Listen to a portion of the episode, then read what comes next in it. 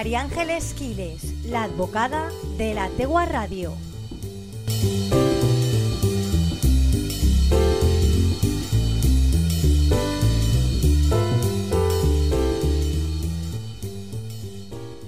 Hola Elia, buenas tardes a ti y a todos los que nos escucháis. Como cada viernes vamos a hablar de derecho y en esta ocasión pues vamos a intentar arrojar un poco de luz, eh, un poco solo,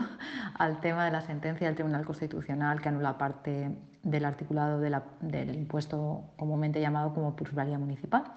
Y digo que vamos a intentar poner luz porque la sentencia todavía no ha sido publicada con lo cual solamente tenemos referencias respecto de lo que el propio Tribunal Constitucional ha analizado o ha, dicho.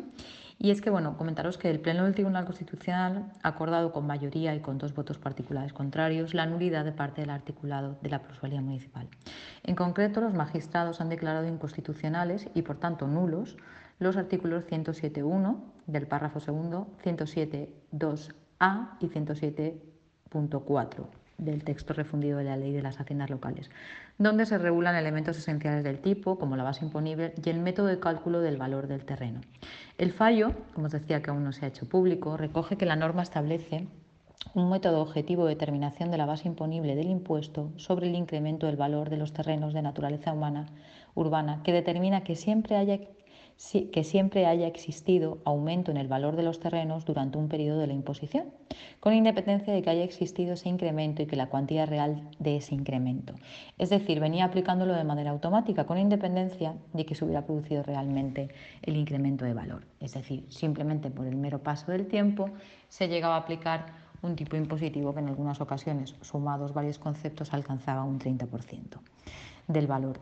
Esta figura impositiva ya había sufrido importantes modificaciones tras otras sentencias que anulaban en parte en 2017 el Tribunal Constitucional declaró la nulidad del artículo 107.1 en la medida que sometía a gravamen al ciudadano que realizaba transacciones inmobiliarias, incluso, ojo, incluso cuando el valor del terreno no se incrementaba, en algunas ocasiones disminuía, una situación que a ojos del Tribunal Constitucional era inconstitucional. Dos años más tarde, en 2019, el Constitucional confirmó la ilegalidad de este impuesto cuando la cuota superaba el propio incremento del valor, es decir, a veces que se venía a pagar más cuota que el valor que aumentaba el terreno. Como recoge la nota eh, del máximo intérprete de la Carta Magna, esto es el Tribunal Constitucional, la resolución declara la intangibilidad de las situaciones firmes existentes antes de la fecha de la aprobación de la sentencia. Es decir, no habrá retroactividad para, aquellas, para aquellos impuestos que se hayan pagado voluntariamente y que no hayan resuelto, o sea, que no hayan interpuesto algún em, recurso. Bueno, aquí es donde podríamos entrar en disquisiciones y en, bueno, y en otras cuestiones, ¿no? Y es que si un, si un, en derecho siempre hemos dicho o siempre hemos estudiado que aquello que se declara nulo es que nunca existió. Es decir, si nunca existió, no puede ser aceptable que no se puedan reclamar por aquellos impuestos que se han pagado atendiendo a las normas del Estado, es decir, aquellas personas que pagaron entendiendo que tenían que pagar, pues están desprovistas según, vamos a ver qué es lo que dice el, el fallo, según este,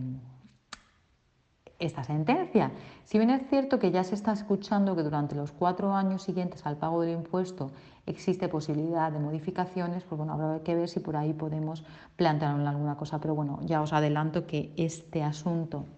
no va a ser eh, tranquilo y que seguirán habiendo resoluciones, seguirán habiendo